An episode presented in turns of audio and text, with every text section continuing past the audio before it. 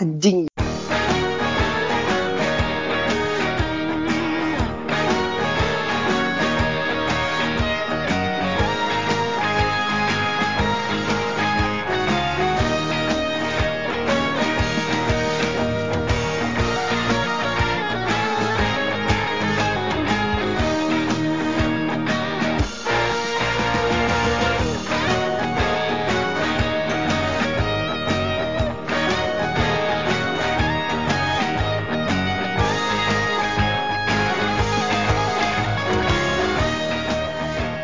Oke, balik lagi di podcast Sangau. Masih bersama saya Diki Pangsit. Kali ini episode 20 akan membahas soal berpikir kritis nih. Kali ini sudah bersama saya pembicara yang cukup terkenal di kalangan pencinta eh, apa ya bisa dibilangnya itu ya kemaritiman Indonesia mungkin ya. Ini cukup, cukup terkenal nih di kalangan pencinta maritim. Silakan Mas untuk diperkenalkan dirinya. Halo, halo. Selamat pagi, sore, malam bagi pendengar Angahu ya. Wah, ini luar biasa ini mendapatkan kesempatan langka masuk ke podcast Angahu. Aduh, oke. Itu tadi ada Mas Reza ya. Mas Reza ini salah satu orang yang dikenal oleh kalangan kami. Salah satu orang yang sangat suka untuk berpikir kritis seperti itu. Asik. Jadi ini yang mendasari tim Angahu untuk melakukan kolaborasi dengan Mas Reza nih. Apa yang dimaksud dengan berpikiran kritis itu kan. Terus apa aja lah yang di dalam berpikir kritis. Oh ya Mas sebelum masuk ke topik Mas. Mau tanya nih soal apa namanya isu-isu yang hangat di sekitar sampean atau di sosmed sampean gitu itu ada apa aja tuh kalau di saya kan di YouTube nih itu lagi rame sama Rizky Bilar sama Lesti gitu kan nggak ada Ya, kalau di sosmednya sampean apa mas Ya, kalau Rizky Bilar. ya, itu juga ramai di trending YouTube ya.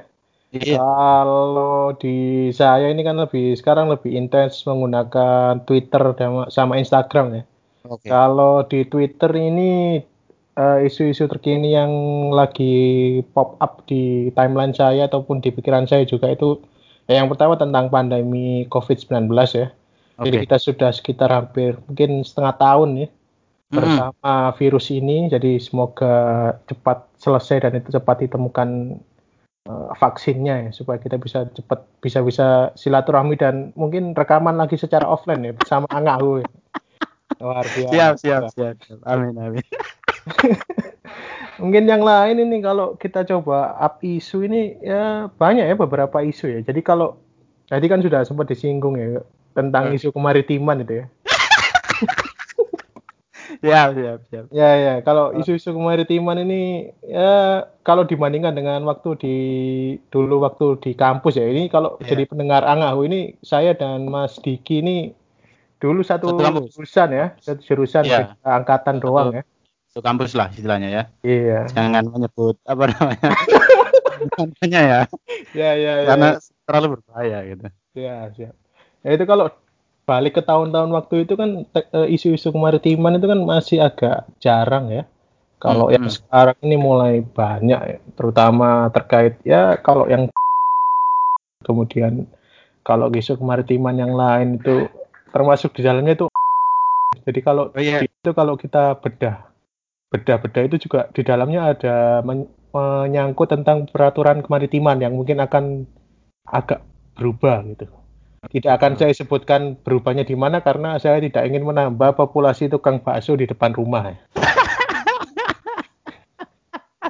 ya ya. Ya pada Oke. ininya itu isu-isu kemaritiman kalau yang lagi gede-gedenya itu mungkin itu ya. Oke, jadi Instagramnya Mas Reza ini begitu sangat berbobot sekali ya, beda sama sosmed saya yang isinya cuman soal pusing mencari jodoh gitu kan, ataupun juga yang lagi rame itu soal Hansa Muyama yang makan nasi padang kalau nggak salah ya itu ya. Iya iya iya. iya. Nah itu beda sekali kan sosmed kami gitu kan. Antara Mas Reza yang penuh dengan isu-isu, sedangkan saya penuh dengan carut marut Indonesia seperti itu. Ya enggak sih sebenarnya kalau itu kan dari sisi Twitter tadi. Yang Oh, dari- Twitter. kalau dari sisi Instagram ini kurang lebih sama ya isunya tapi yang cukup mengganggu pikiran dan batin saya ya terutama itu kalau di Instagram eh, ada isu-isu yang cukup berbahaya nih Mas Diki nih. Jadi kalau Oh. mungkin Mas Diki ini perhatian ya, itu eh, munculnya terlalu banyak eh, foto dan video orang nikah di timeline Ah. story maupun post. Iya, iya, iya, iya, iya. iya. ya Berhubungan sama nikah nih. Kemarin tuh salah satu pendengar Ngaho ada yang menitipkan pertanyaan gitu kan, karena tahu nih yang mau jadi pembicaranya adalah Mas Reza gitu. Enggak, enggak, enggak ada hubungannya. ya, ya. Ada, ada. Dari salah Gimana, satu eh, pendengar setia lah. Baru-baru ini dia katanya eh, sedang sibuk untuk mendengarkan Aho dari beberapa episode yang lalu gitu kan. Ya, saya juga pendengar setia loh ya. Episode favorit saya itu yang bersama Bapak Made itu itu favorit. ya. Saya juga Iya, kemarin mendengarkan episode terakhir bersama Mas Dimas ya, Dimas Iya, Samit. Iya, iya, iya, di Mas 1990 tuh. Ini dari ini apa? Dulunya sering dikenal Fauzan Vespa, Fauzan Vespa. Oke, oke, oke, oke. Pertanyaannya cukup menohok juga nih kan. Iya, iya. Untuk Mas Hab gitu kan. Ya. Kapan menikah? Udah ketemu belum jodohnya? Sudah itu aja gitu katanya. Mungkin bisa dijawab sebelum kita masuk ke berpikir kritis gitu Mas. Ya ini termasuk cara berpikir kritis ya. Oke. Jawabannya ada dua ya, jawaban serius dan jawaban eh, bukan tidak serius ya. Oke. Kalau jawaban tidak seriusnya ya memang hmm, sekarang dalam proses cek and recheck ya. Oke. Maksudnya saya ngecek, tapi saya tidak di recheck orang lain gitu. Jadi cek doang, rechecknya tidak Oh. ada. Oh iya iya iya. Tapi kalau jawaban seriusnya ini, ini eh, sedang dalam proses menyelesaikan dengan diri sendiri. Oh gitu. Jadi Iya, kalau iya. orang menikah itu kan, makanya saya kagum dengan teman-teman yang sudah menikah dengan Oke. cepat ya, atau mungkin menikah di umur yang ideal 24, 25 itu, eh, saya yakin mereka sudah selesai dengan dirinya sendiri. Menikah itu kan tidak hanya menggabungkan dua pasangan ya, tapi juga menggabungkan dua dunia menjadi satu itu. Nah itu Oke. kalau belum selesai dengan dirinya sendiri itu agaknya mungkin nggak mungkin bisa sampai ke sana. Ya mungkin sudah sudah terjawab ya ini pertanyaan dari Raja dari Fauzan Vespa gitu kan. Ya itu tadi jawabannya cukup ini ya politisi sekali gitu. kan. Mendengar kabar ini ada isu-isu juga Mas Reza mau mencalonkan diri menjadi DPRD di tahun 2035 gitu kan. Ya, eh, saya nggak tahu ini isu dari mana ya. Wah itu beredar kencang tuh di sosmed Angau tuh. Tim Eh. Angau kan ada tim tersendiri gitu mas untuk mencari-mencari isu gitu kan. Iya, tim Angau ini luar biasa berarti, sangat profesional itu. Saya, saya belum pernah ngomong masalah pingin jadi DPR itu ke orang lain. Terakhir ngomong itu ketika saya SMP. Serius, serius, ini serius ini. Wah ini luar Serius. biasa. Tim Iya, ini luar biasa sekali ini dalam Ya, emang emang di belakang layar tuh banyak yang nyari-nyari isu gitu maupun yang benar atau enggak gitu.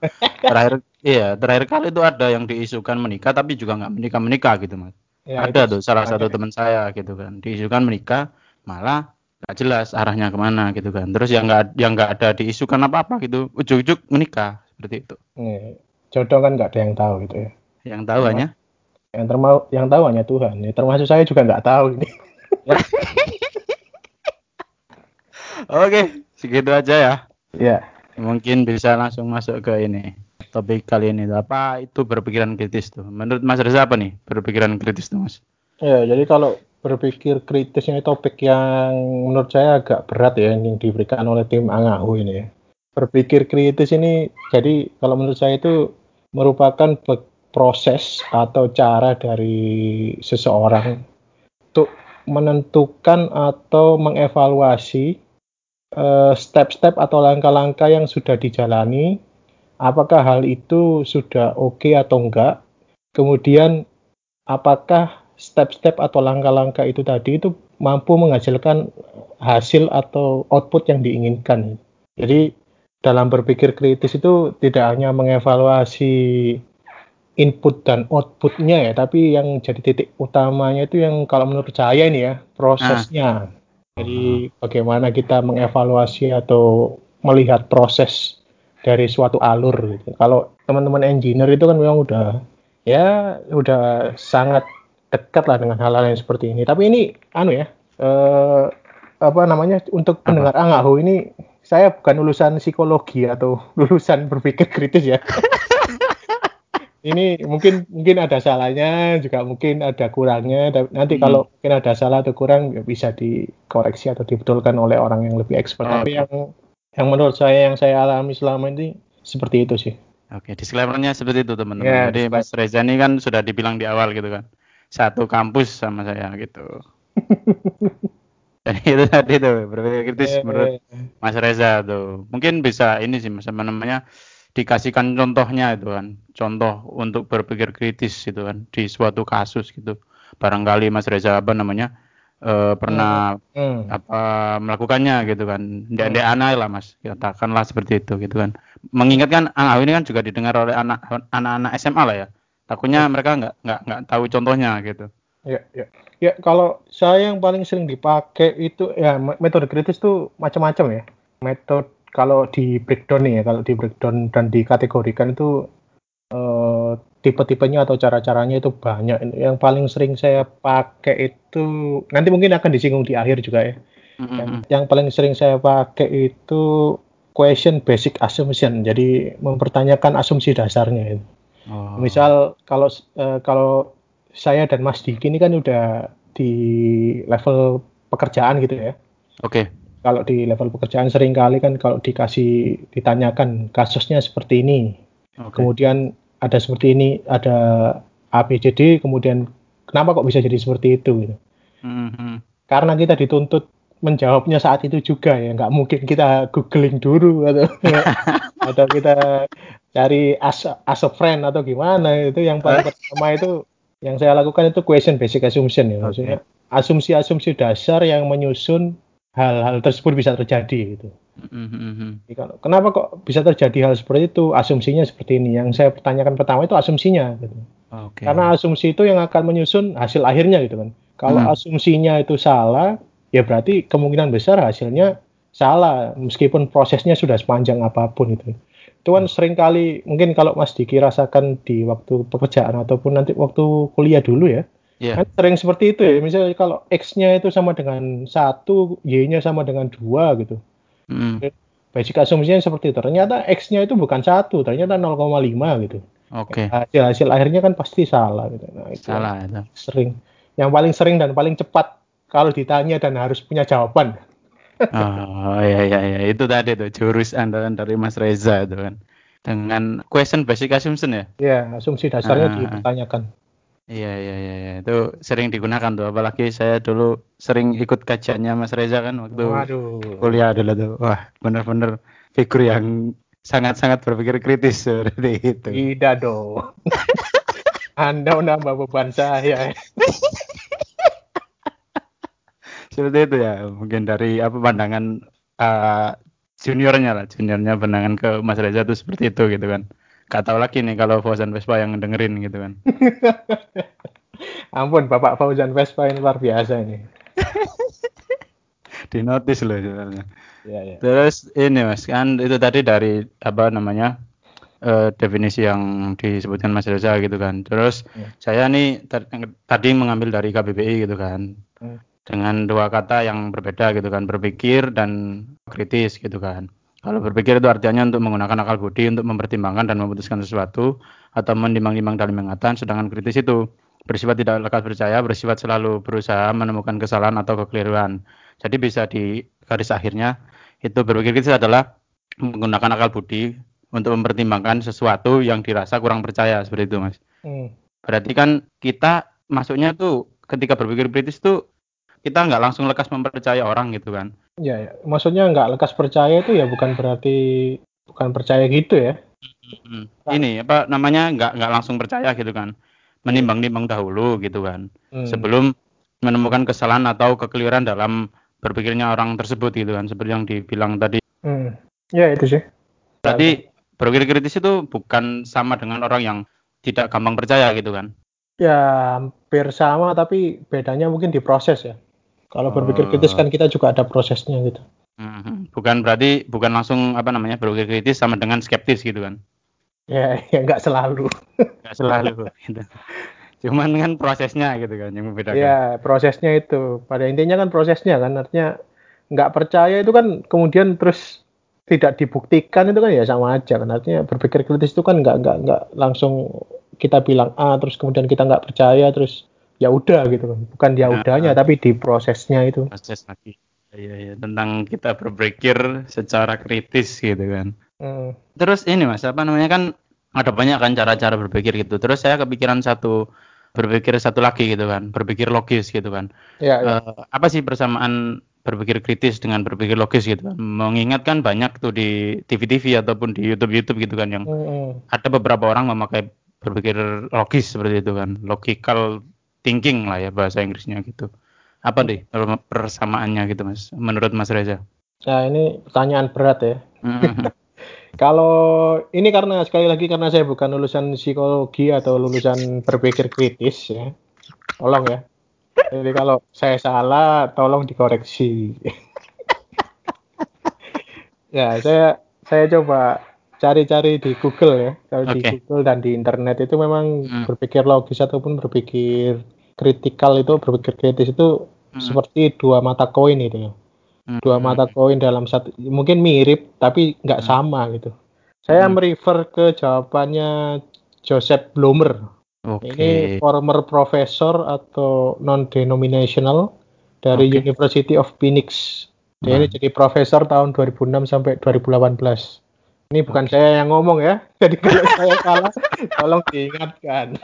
Iya iya. iya. Jadi kalau dia itu bilangnya gini, logical reasoning itu dapat di atau logical berpikir logis itu dapat didefinisikan sebagai satu proses Mhm. yang menggunakan secara rasional, sistematik dan berdasarkan langkah-langkah yang menggunakan proses matematika itu. Oke. Jadi di akhir dia akan memberikan statement untuk Mhm. mencapai suatu conclusion. Hmm, ya, ya, ya, ya. Kesimpulan. Iya, kesimpulan. Tapi kalau berpikir kritis itu dia proses mengambil data atau Mhm. informasi dan Mhm. kemudian secara terbuka itu mengevaluasi data tersebut gitu. Mhm. Dicoba, dianalisa, kemudian dievaluasi informasi tersebut yang sudah dikumpulkan gitu ya. Berbagai macam cara, kemudian dijadikan satu template untuk suatu kepercayaan atau suatu aksi gitu. Jadi kalau poin besarnya kalau logical reasoning itu dia prosesnya itu berdasarkan proses yang udah artinya udah ya berdasarkan proses matematika gitu ya. Matem berpikir logis itu kan biasanya muncul di mana Mas Diki? Pikir logis. Iya, biasanya Pikiran- muncul di tes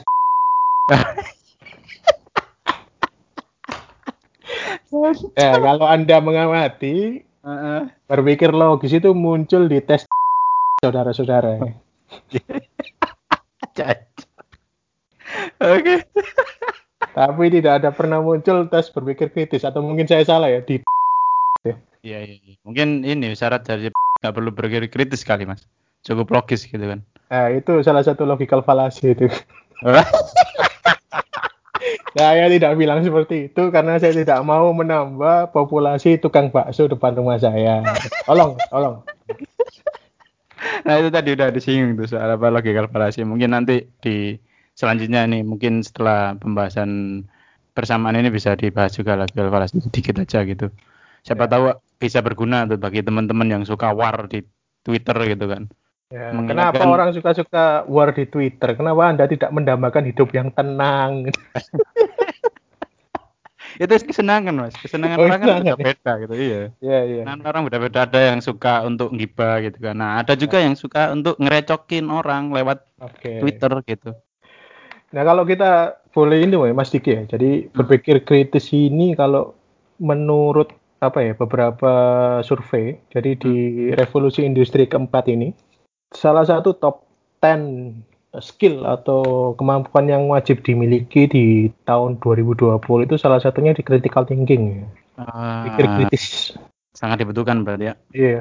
Ya co- connecting the dot ya. Jadi bagaimana kita menghubungkan informasi-informasi, kemudian menganalisa informasi tersebut menjadi satu keputusan untuk bergerak. Nah itu kemampuan-kemampuan seperti itu yang dibutuhkan. Oh iya iya iya. iya. Semua orang bisa berpikiran logis, cuman nggak semua orang bisa berpikir kritis. Seperti itu berarti mas. Ya yang menarik Apa itu termasuk logikal falasi itu. ya ini di pendapatnya Joseph Blammer ini di akhir juga ditambahkan itu. Oke. Jadi dua-duanya ini logik, logikal berpikir logis dan berpikir kritis ini memang Hmm. saling berhubungan, tapi pada akhirnya berpikir logis itu merupakan hasil dari berpikir kritis yang terlatih. Oh, berarti next stepnya dari berpikir kritis tuh berpikir logis gitu berarti Ya, logical ten- thinking. ten- tentu yang ngomong Joseph Blammer ya, Hmm, bukan hmm, saya dong. hmm, hmm, hmm. Iya iya mas. Iya iya iya. Kalau Terus, salah tolong saya diingatkan ya. Oh iya iya. Oke. Disclaimernya banyak sekali mas dari tadi. Ya, tentu, saya tidak mau dihujat netizen karena masuk ke Oh. angahu ini. Oh. aman aman mas. Di sini aman mas. Siap, siap. Ya, dilindungi sekali oleh Tuhan yang Maha Esa. Oke, Ya, apa gimana? balik lagi ke logical thinking mas ya? Logical thinking kan apa ya? Pada umumnya di Indonesia lah ya digunakan tuh untuk membedakan apa ya? Se, ini setahu saya ya, membedakan antara laki-laki dan perempuan gitu kan. Seringnya yang berseliweran di timeline saya itu seperti itu gitu kan. Kalau perempuan itu berpikir dengan hati gitu kan. Nah, kalau cowok berpikir dengan logika gitu. Iya. Apakah ini yang termasuk logical thinking gitu kan? Yang saya maksud di sini kan, mengingatkan banyak remaja-remaja yang menjadi pendengar di sini gitu kan. Takutnya mereka mengkotak-kotakan seperti itu gitu Mas. Logical thinking yang dimaksud di sini gitu, logical thinking yang sama dengan postingan-postingan dari akun-akun yang seperti itu gitu kan. Antara cewek yang pakai hati gitu kan, yang Hmm. cowok pakai logika gitu. Apakah berbeda atau gimana gitu Mas? Ya, ini salah satu pertanyaan yang memunculkan kemungkinan untuk saya dicerang netizen ya kalau saya nggak salah jawab. ya. Nah, ini kan ba- banyak anu apa namanya SJW SJW. Oh iya, cewek. Social Justice Warrior gitu. Nggak, tapi ini saya coba eh, berpendapat ya dari apa yang saya alami dan apa yang saya rasakan selama ini gitu ya. Oke. Kalau menurut saya sih memang kita nggak bisa mengkotak-kotakkan hal-hal yang seperti itu. Itu merupakan dua hal yang berbeda gitu ya. Jadi Mhm. kalau laki-laki berpikir logika, kemudian perempuan itu dia berpikir menggunakan emosi gitu ya. Eh, saya belum pernah lihat jurnal penelitiannya, tapi kalau menurut saya sih nggak semua laki-laki berpikir logika Mhm. dan nggak semua juga perempuan itu berpikir secara emosional gitu. Mhm. Kalau di beberapa kasus yang yang saya alami itu memang eh, kalau kita ambil contoh yang dari sisi perempuan itu nggak semuanya di, berdasarkan dia berpikirnya berdasarkan emosional. Ah, Oke. Eh, rekan kerja ataupun teman-teman saya di kampus itu wah itu perempuannya hampir yang saya temui itu kebanyakan dia berpikirnya logis semua gitu. Ah, ah, ah. Tapi memang di satu sisi kadang dia berpikir emosional. Begitupun juga teman-teman yang di laki-laki yang saya pernah kenal gitu.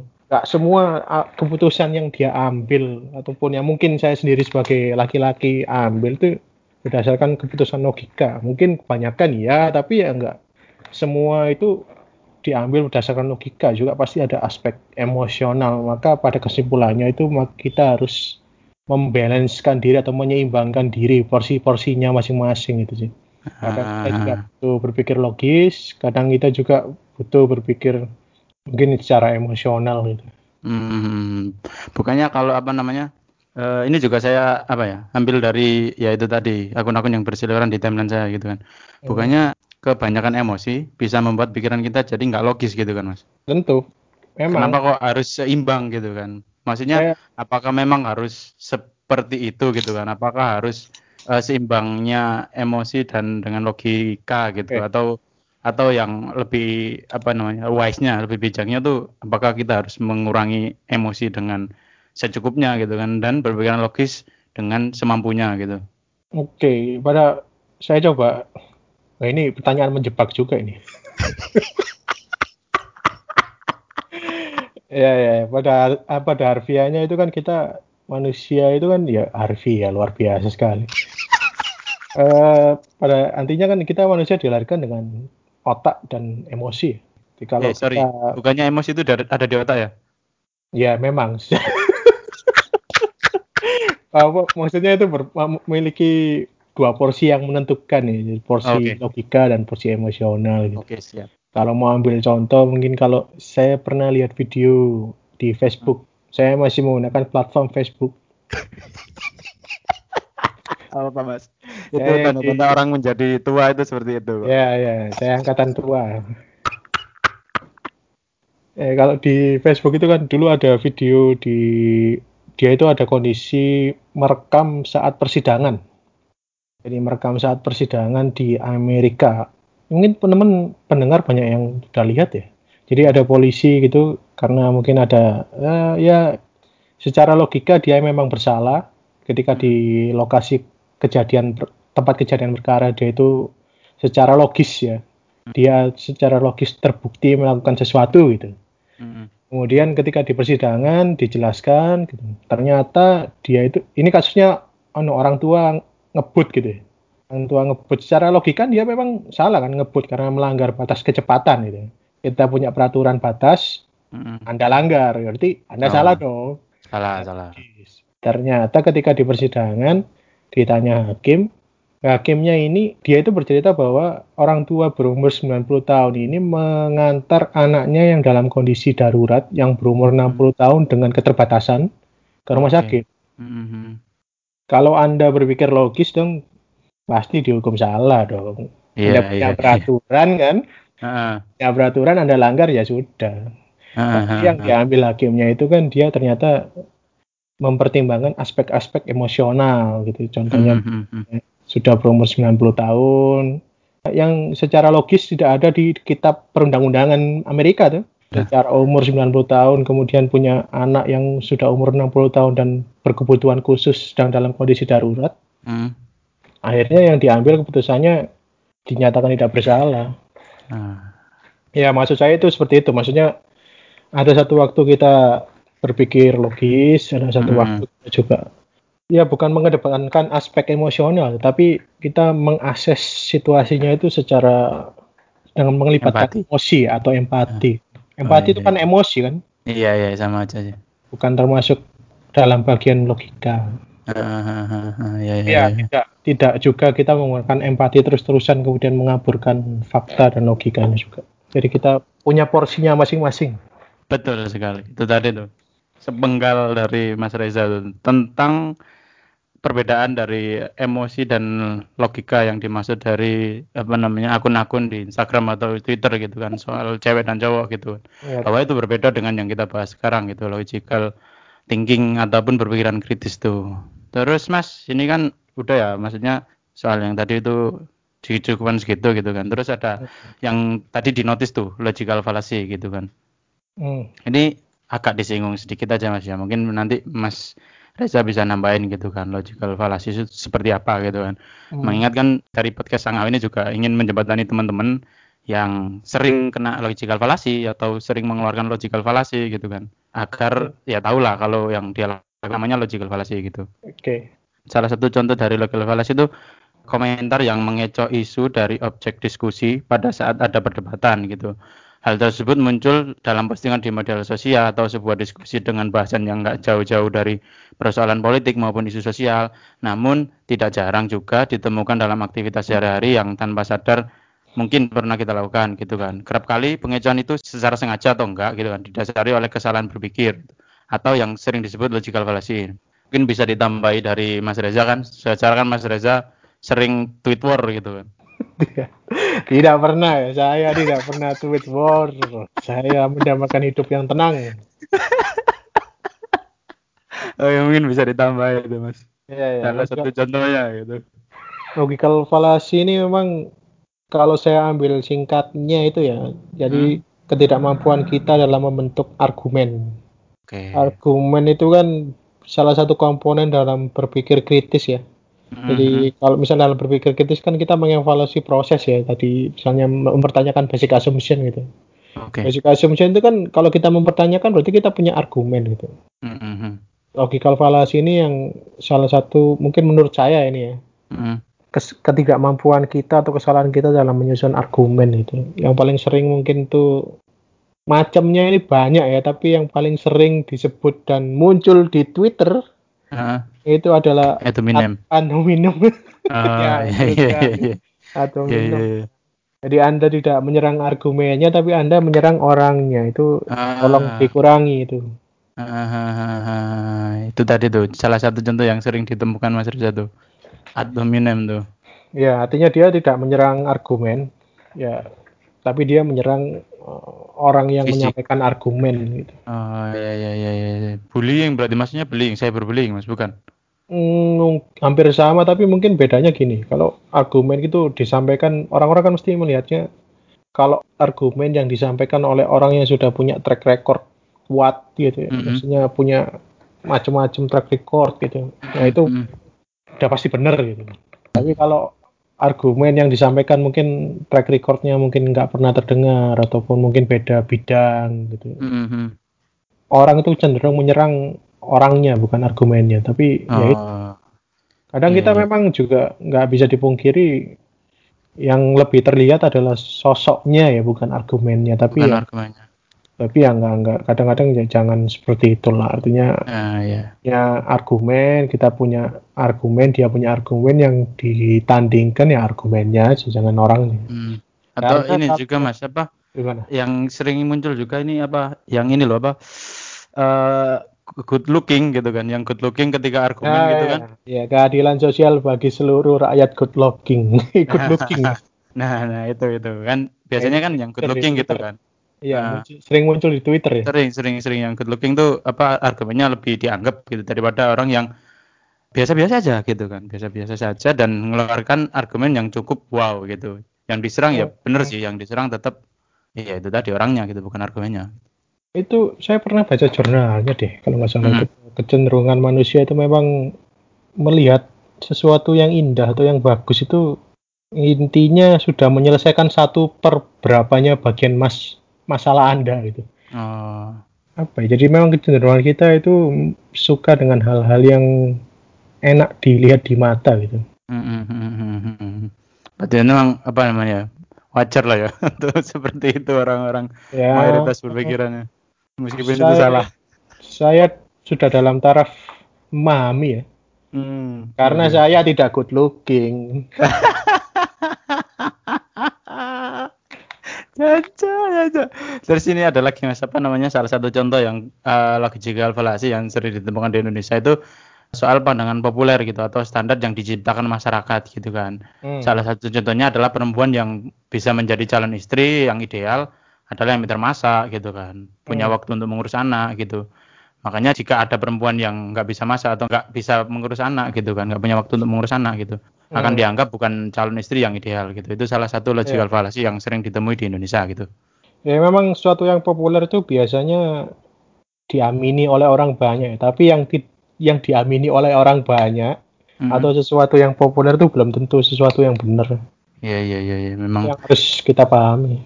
Iya sih, memang harus banyak tenggang rasa kalau hidup di sini. Ya, terutama bagaimana tentang kriteria istri itu, nah itu ini tidak tidak akan saya bahas di sini karena lebih enak dibahas di WA saja. Oke. Barangkali ada yang anu nih apa apa namanya kepo-kepo dengan Mas Reza nih bisa bisa dicek lah Mas Reza nih Eh, selain apa namanya berpikiran kritis juga pandai lah dalam menyayangi calon istrinya gitu kan. Barangkali ada teman-teman yang tertarik gitu kan dengan Mas Reza. Ya, ya. Ya itu sih. Kadang memang nggak semua yang populer itu selalu benar. Kalau mungkin contoh yang sekilas terpikir itu bahwa apa yang dulu kita yakini jadi populer itu kan ketika kita SD atau mungkin kan mendengar di SMP atau SD di Rebul Mhm. Kepal itu kan planet di alam galaksi itu kan sampai Pluto. Ya, Pluto itu masuk planet. Jadi kalau kita kategorikan kalau dulu kita kita waktu SD atau SMP gitu ya ditanya Nah. guru atau kita berdiskusi dengan teman gitu kita disuruh menyebutkan planet itu. Mhm. Kalau Anda tidak menyebutkan Pluto, maka Anda bisa dinilai tidak tidak update dengan eh, informasi atau pendapat Anda nggak cocok gitu. ya. Kalau itu pendapat yang populer kan ya. Eh, Tapi kan memang kita ketahui sekarang itu Pluto bukan planet ya. satelit apa ya namanya? Bukan. Kan bukan, bukan termasuk Bintang planet. ya, bintang, bintang. Iya, bintang. Bintang Bintang. aja. Nah, terus ini ada lagi mas salah satu contoh juga yang Mungkin banyak juga yang pendengar sering temui gitu kan soal bahaya merokok gitu kan. Ketika salah satu teman kita merokok, kita beritahu bahwa merokok itu merusak kesehatan. Nah, lalu teman kita itu dengan bedanya dia bilang gitu, dia selama merokok tidak pernah mengalami gejala yang disebut oleh temannya Ya, tersebut. ya. Gitu. Sehingga pernyataan bahwa merokok merusak kesehatan itu adalah hal yang belum tentu benar gitu kan. Itu termasuk logical fallacy juga gitu, red Hmm. herring apa namanya ya. Anda sepertinya lebih jago daripada saya ini. Kenapa Oh enggak, tidak enggak. kenapa tidak mewawancari Anda sendiri?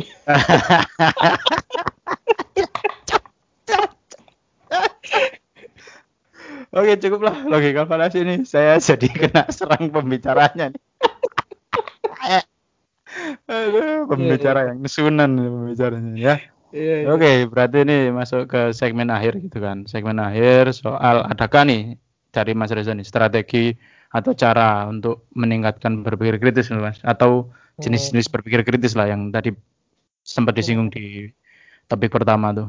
Oke, jadi pada intinya saya sampai mungkin sampai bekerja ya. Saya saya saya nggak terlalu mendalami met, nama-nama metode gitu. Tapi Mhm. yang akan saya ini setelah ini sebut itu biasanya dulu sering saya pakai gitu.